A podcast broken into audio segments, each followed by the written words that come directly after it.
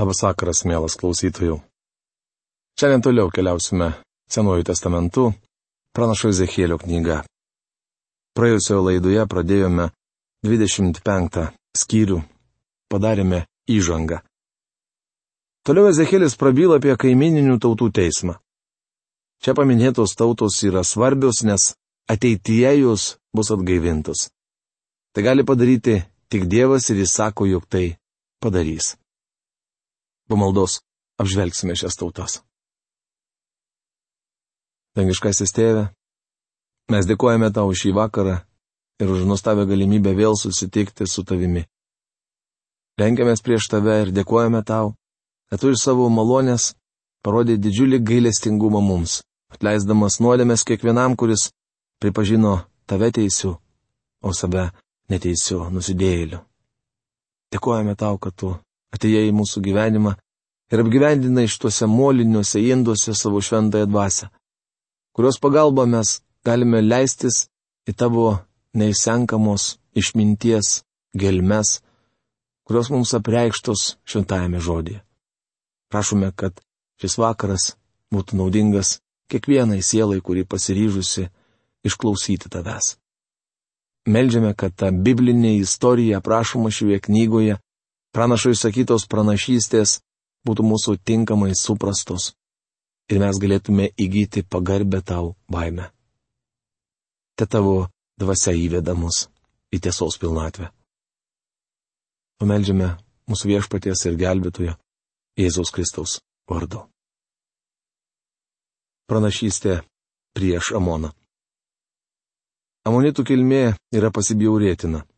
Pradžios knygos 19 skyriuje nuo 33 iki 38 eilutės rašoma, kad šiai klajokliškai tautai pradžią davė Loto ir jo jaunesniosios dukters kraujomaiša. Amonitų žemės driekėsi palei negyvąją jūrą. Dievas per pranašą Ezekėlį sakė, kad amonitus pavergs nebukadnecaras. Iš istorijos žinome, kad taip ir atsitiko. Ezekėlio knygos 25 skyriaus trečioje eilutėje Dievas paaiškina, kodėl baudė šią tautą. Sakyk Amonui, klausyk viešpatės Dievo žodžio. Taip kalba viešpats Dievas, kadangi sakei šią tau apie mano šventyklą, kai ji buvo teršiama, apie Izraelio žemę, kai ji buvo niokojama ir apie judų namus, kai jie buvo varomi į tremtį. Ezekėlio knygos 25 skyriaus 3 eilutė. Amonitai plojo Izraelio priešams, kitaip tariant, jie buvo Izraelio priešų sąjungininkai. Tačiau tie patys priešai sunaikino ir pačius amonitus. Jeremijo knygos 49 skyriaus 6 eilutėje rašoma. Bet vėliau aš sugražinsiu Amono tremtinius. Tai viešpaties žodis.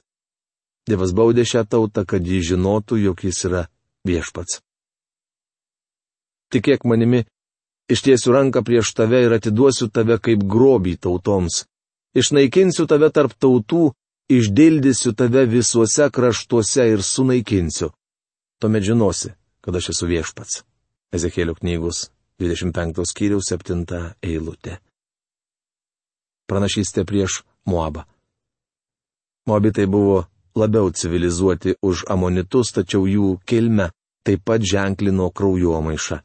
Pradžios knygos 19 skyriaus 33-38 eilutėse rašoma, kad ši tauta kilo iš Loto ir jo vyresniosios dukters. Moabo palikonis buvo įsikūrę Izraelio rytuose prie šiaurinės negyvosios jūros pakrantės. Iš to krašto buvo kilusi Moabiti Rūta. Iš jos kilo karalius Dovydas ir viešpats Jėzus Kristus. Rūtos vardas paminėtas Evangelijos pagal matą pirmos skyriaus penktoje eilutėje kur išvardyta Kristaus genealogija.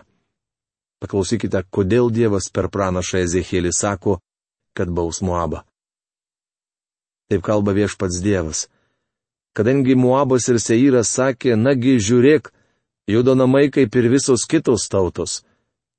Apnoginsiu Muabo petį, visus jo miestus iki paskutinio visą krašto pažybą, bet Ješimotus, Bealmeoną ir kirjataimus. Ezekėlio knygos 25 skyriaus 8-9 eilutės. Pranašystė prieš Edomą. Edomo tauta kilo iš Ezabų, apie kurio gimimą pasakojama pradžios knygos 25 skyriuje. Trumpoje Abdijo pranašyščių knygoje smulkiau aprašyta Dievo bausmė Edomui ir akmeniniam Petros miestui. Dievas paaiškina, kodėl baus Edomą. Taip kalba viešpats Dievas. Kadangi Edomas keršijo judo namams ir sunkiai nusikalto keršydamas, taip kalba viešpats Dievas. Ištiesiu savo ranką prieš Edomą, išnaikinsiu jo žmonės bei gyvulius ir paversiu jį griuvėsiais. Nuo Temano lygi pat Dedano kris jie nuo kalavijo. Ezekėlio knygos 25 skyriaus 12-13 eilutės. Dievas baudė Edomo gyventojus už tai, kad jie blogai elgėsi su jo išrinktaja tauta. Pranašystė prieš Filistinus. Taip kalba viešpats Dievas. Kadangi Filistinai elgėsi kerštingai ir kerštavo visa širdimi, norėdami sunaikinti iš senos neapykantos, taip kalba viešpats Dievas. Tikėk manimi, pakelsiu savo ranką prieš Filistinus išnaikinsiu keretus ir nušluosiu pamario likutį. Įvykdysiu jiems didelį kerštą inirtingomis bausmėmis. Kai jiems atkeršysiu, jie žinos, kad aš esu viešpats. Ezekėlio knygos 25 skyriaus 15-17 eilutės. Filistinai išnyko, jų tame krašte nebėra. Visa, kas buvo pranašauta šiai tautai, išsipildė taip tiksliai, kad netikintys kritikai Ezekėlio pranašystės norėtų priskirti daug vėlesniam laikotarpiui, tuomet jas būtų galima laikyti istorija. Bičiuli, mums dėlėtų įsiminti, jog Dievas baudė tautas, nusidėjusias prieš jį ar jo tautą. Ezekėlio knygos 26 skyrius. Bausmė tyrui. Ezekėlio knygos dalyje nuo 26 iki 28 skyriaus aprašytos pranašystės prieš Tyrą ir Sidoną. Tyras ir Sidonas neatsiejami, jie visuomet minimi kartu. Knygos dalis, kurią studijuojame, aiškiai rodo pranašyšių tikslumą. Tyras buvo didžios finikiečių tautos sostinė. Finikiečiai garsėjo tuo, kad buvo puikiai įvaldę laivybos paslaptis. Savo laivais jie buvo išmaišę visą viduržėmio jūrą ir nuplaukdavo dar toliau. Šiandien žinoma, kad pro Herkulio stulpus ir Gibraltaro uolą jie plaukdavo į Didžiąją Britaniją parsigabenti alavų. Finikiečiai Šiaurės Afrikoje buvo įsteigę savo koloniją ir Ispanijoje įkūrė Taršišo miestą. Jie buvo ryštingi kolonizatoriai ir tyrinėdami naujas žemės nukeliavo kur kas toliau, negu mes įsivaizduojame. Tyras garsėjo savo didybę. Šio miesto karalius Hiramas buvo geras Davido bičiulis, tiekęs jam statybinės medžiagas. Tiesa, Davido sūnus Saliamonas su Hiramu taip pat gerai nesutarė. Matyt, Hiramas buvo didis karalius. Tačiau tiek Tyras, tiek Sidonas buvo balų garbinimo centras. Karaliaus ir buvusio kunigo duktė Jezabelė ištekėjo už Izraelio karaliaus Ahabo ir išpopuliarino balų garbinimą šiaurinėje karalystėje. Dabar skaitysime stulbinančią Dievo pranašystę prieš Tyrą ir Sidoną. 11 metų mėnesio pirmą dieną mane pasiekė viešpaties žodis. Žmogau, kadangi Tyras sakė apie Jeruzalę šetau, tautų vartai išlaužti, jie atsivėrė man, būsiu turtingas, kai dabar guli griuvėsiuose. Ezekėlio knygos 26 skyriaus 1-2 eilutės. Tyras buvo sunaikintas tuo pat metu kaip ir Jeruzalė. Jį užėmė nebukadnecaras. Taip kalba viešpats Dievas. Tikėk manimi, aš prieš tave tyrę. Kaip jūra sukelia bangas, taip aš sukelsiu prieš tave daug tautų. Ezekėlio knygos 26 skyriaus 3 eilutė. Kai Dievas sako, aš prieš tave galite būti tikri, jog jis nusiteikęs rimtai. Jis žada sukelti prieš tyrą galingą komercijos centrą tautas, kaip jūra sukelia bangas. Jos išardys tyro mūrus ir nuvers jo bokštus, nušluosiu nuo jo dulkes ir paversiu jį plika uola. Ezekėlio knygos 26 skyriaus ketvirta eilutė. Nebukadnecaras atžygiavo prieš šį miestą ir jį sunaikino, bet dulkių nuo jo nenušlavė. Jis taps vieta jūroje tinklams žiovinti, nes aš pasakiau, tai viešpaties Dievo žodis. Jis bus tautų plėšiamas. Ezekėlio knygos 26 skyriaus 5 eilutė. Dievas sakė, jog pavers šį komercijos centrą jo gyventojų pasididžiavimą žviejų kaimeliu. Šiandien jis toks ir yra. O jam pavaldus miestai žemynė bus išžudyti kalaviju, tuomet jis žinos, kad aš esu viešpats. Ezekėlio knygos 26 skyriaus 6 eilutė. Pažodžiui, ši eilutė skamba taip o jo dukterys esančios laukia bus nužudytos kalaviju, tada jie žinos, kad aš esu viešpats. Mano nuomonė, dukterys yra tyro įsteigtos kolonijos. Viena iš jų buvo Kipro saloje. Kipras reiškia baris. Iš ten finikiečiai gabendavosi varį. Jie buvo prekybininkai, tiek davė šiuos metalus civilizuotam senovės pasauliui. Juk taip kalba viešpats Dievas. Tikėk manimi, atvesiu prieš tyrą iš šiaurės Babilono karalių Nebukadnecarą, karalių karalių, draugę su žirgais, vežimais, raiteliais, su didelė ir galinga kariuomenė. Tau klusnius miestus žemynė įsižudys kalaviju.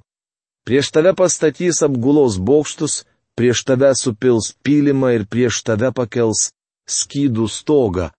Savo mūrdaužių jėgą jis atgręš į tavo sienas, tavo bokštus sutrupins savo kirviais. Jo žirgų bus tokia daugybė, kad jų sukeltos dulkės apdengs tave. Nuo raitelių ratų ir vežimų užėsio drebės tavo sienos, kai žengs pro tavo vartus, kaip daro žengiantys į pralaužtą miestą. Ezekėlio knygos 26 skyrius 70 eilutės. Nebukadnecaras pralaužė senojo tyro sienas, kai pralaužė Jeruzalės sienas taigi ši pranašystė įsipildė pažodžiui. Savo žirgų kanopomis jie nutryps visas tavo gatves, kalaviju išžudys tavo žmonės, nugrius žemint tavo didingi stulpai. Ezekėlio knygos 26 skyriaus 11 eilutė. Atkreipkite dėmesį, kad šios skyriaus pastraipoje nuo 7 iki 11 eilutės aiškiai išpranašauta, jog nebukad necaras užims miestą. Pranašas nuolat kartoja įvardį jis. Tačiau nuo dvyliktos eilutės pradedamas vartoti įvardis jie. Dievas buvo sakęs, kad tautos apiplėš tyrą. Štai kaip visa tai įvyks. Jie išplėš tavo turtus, išgrobstys prekes, išardys tavo mūrus, sugriaus puikiuosius tavo namus, sumes į vandenį tavo akmenis, sijas ir žemes. Padarysiu galą tavo dainų skambėjimui nebebus girdėti tavo lyrų garsų. Paversiu tave plika uola, tu tapsi vieta tinklams žuvinti. Daugiau niekada nebūsi atstatytas, nes aš viešpats pasakiau. Tai viešpaties Dievo žodis. Ezekėlio knygos 26 skyriaus 12-14 eilutės. Ši pranašystė įsipildė tik po kelių amžių. Tyro griuvėsiai trišimtmečius gulėjo ir niekieno nejudinami dulėjo. Tai buvo įspūdingas reginys. Nors Nebukadnecaras buvo sunaikinęs Jeruzalę, antrosios pranašystės neišpildė. Tikriausiai jums įdomu, kas nušlavė nuo tyro mūrų dulkes ir sumetė į vandenį jo akmenis, sijas bei žemės. Kur buvęs, kur nebuvęs iš vakarų atžygiavo Aleksandras Didysis, kurį Danieliaus pranašystėje simbolizuoja užys. Sugryžę iš Babilonijos nelaisvės tyro gyventojai nusprendė atstatyti miestą ne žemynę, o saloje. Kadangi jie puikiai išmanė laivybos meną, gyvendami saloje galėjo geriau apsiginti. Atžygebęs į senojo miesto vietą, Aleksandras išvydo tik krūvą griuvėsių.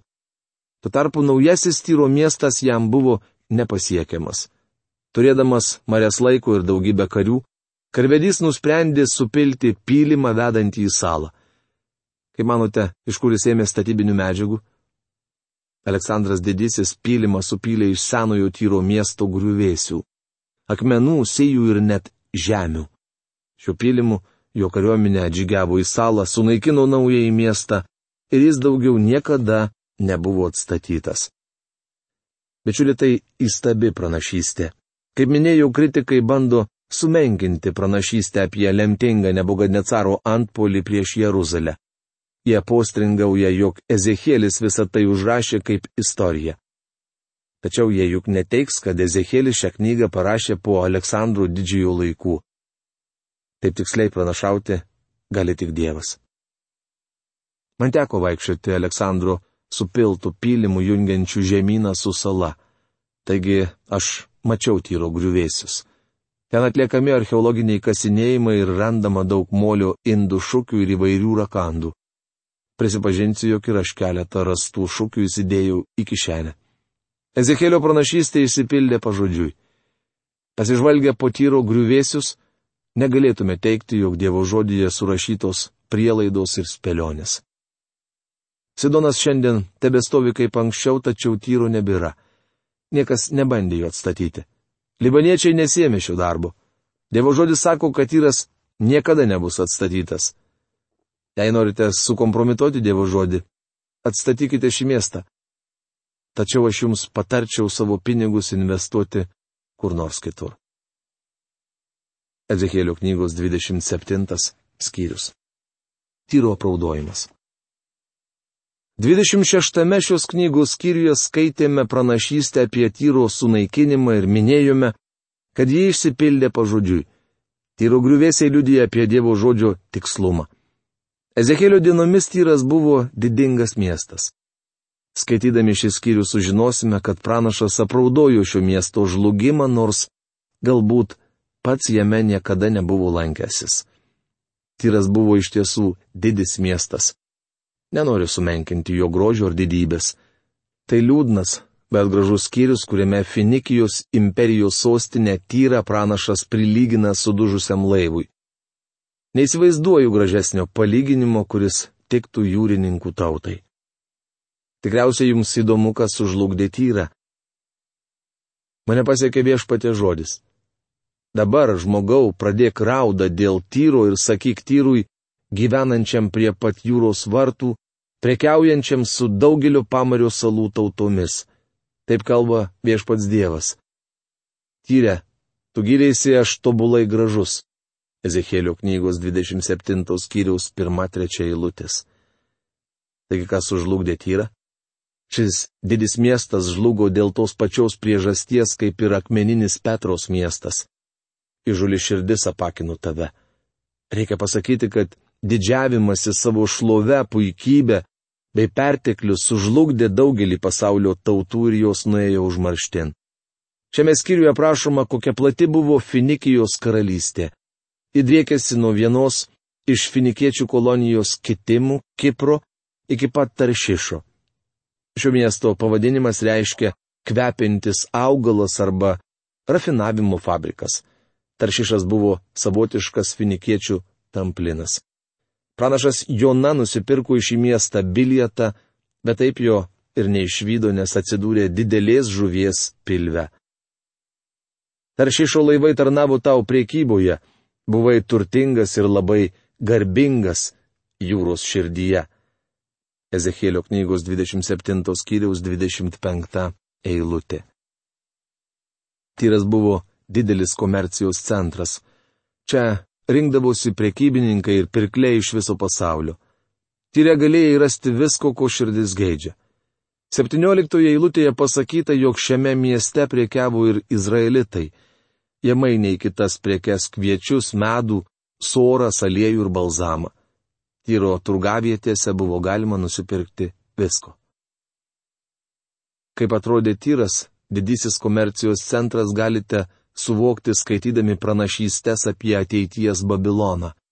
Apreiškimo knygoje rašoma, kad jis taps garsiu komerciniu, religiniu ir politiniu pasaulio centru.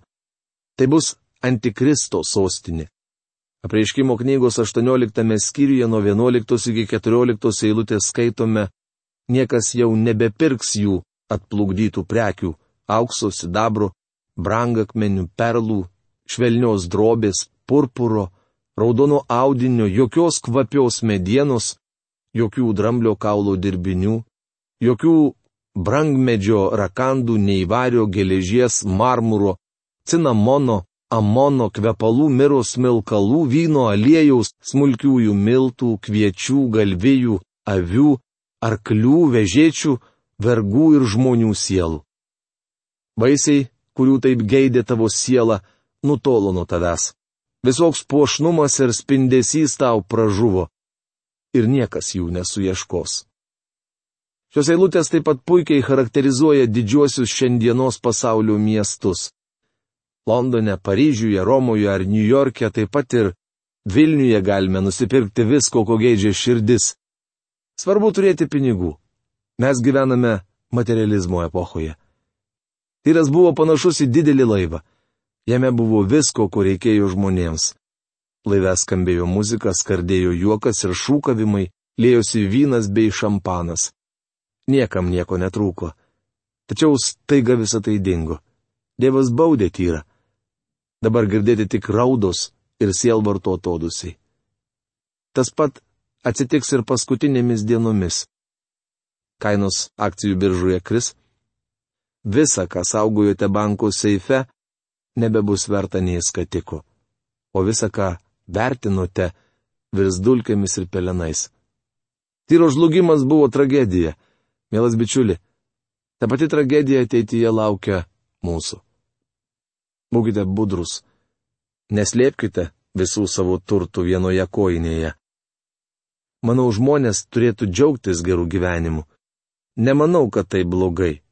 Žinoma, jei gerovė netampa stabu. Beje, daugelis vaikus jos kaip apsėsti. Net gerose bažnyčiose mažai mokoma Biblijos tiesų. Mes tapšnojame vieni kitiems per petį ir vadiname tai bendryste kad pasirodytume esą religingi ir pamaldus kartkartėmis pacituojame vieną kitą šventojo rašto eilutę, laikomės bažnyčiaus apieigų. Taip elgėsi ir Tyro, ir Jeruzalės gyventojai. Tačiau Dievas baudė ir vienus ir kitus. Kodėl? Todėl, kad jiems buvo duota galimybė, privilegija, atsakomybė, kurios jie atsikratė. Aimanuodami užtraukia raudą tau ir aprauda tave kas buvo kada nors kaip tyras, sunaikintas jūros gelmėse. Ezekėlio knygos 27 skyriaus 32 eilutė. Tyras nuskendo it laivas. Dabar guli jūrų sutriuškintas vandeninų gelmėse, o tavo prekės ir visa tavo bendryje nuskendo draugė su tavimi. Ezekėlio knygos 27 skyriaus 34 eilutė. Dievas sakė, kad visa praris jūros gelmis. Istorija liudija, kad taip ir atsitiko. Kitų kraštų pirkliai švilpteli tau įkandin. Tu tapai pasibaisėjimu, tavęs niekada nebebus. Ezekėlio knygos 27 skyriaus 36 eilutė. Vaikščiodamas po tyro griuvėsius, negirdėjau nei muzikos, nei juoko. Neišvydau pušnių pastatų, aukso, nei sidabro. Mačiau tik molio indų šukes bei griuvėsius, tai visa, kas liko iš kitados savo didybę garsėjusio miesto. Dangaus Dievas sako, aš tave nubaudžiau. Mes turėtume pasimokyti iš to, kas nutiko senajam tyro miestui. Tai svarbi žinia šiandien mums apmąstymui. Iki kito sustikimo. Sudė.